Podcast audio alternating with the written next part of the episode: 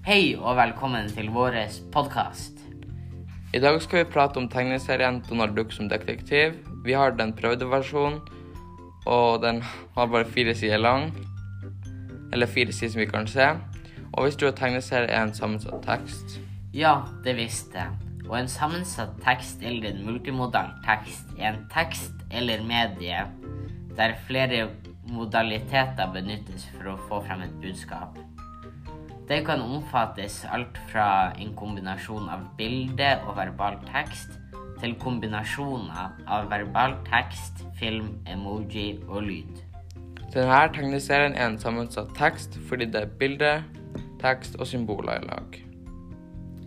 Det første vi så når vi åpna boka, var en gul Post-It-lapp med rød, stor skrift, der det sto Donald Duck som detektiv. Tegneserien handler om at Donald Duck er en detektiv, og han får et oppdrag av onkel Skrue. Onkel Skrue sa at det var en fryktelig lyd som skremte bort legeboren hans. Og hva skjedde resten? Jo, og så viste det seg helt til slutt at det var noen som konstant spilte Hetbovens femte. Vi tror at det her er en slags vri på Beethoven i Donald Duck-stil. Uh, Donald, når Donald forteller en historie, så tror vi at den står i den gule boksen i toppen av bildet.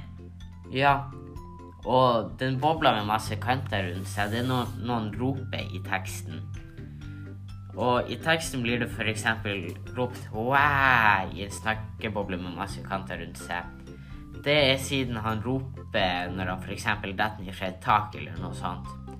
Og vi skjønner i hvert fall nesten med en gang at det er noe som blir ropt når det er i den snakkebobla.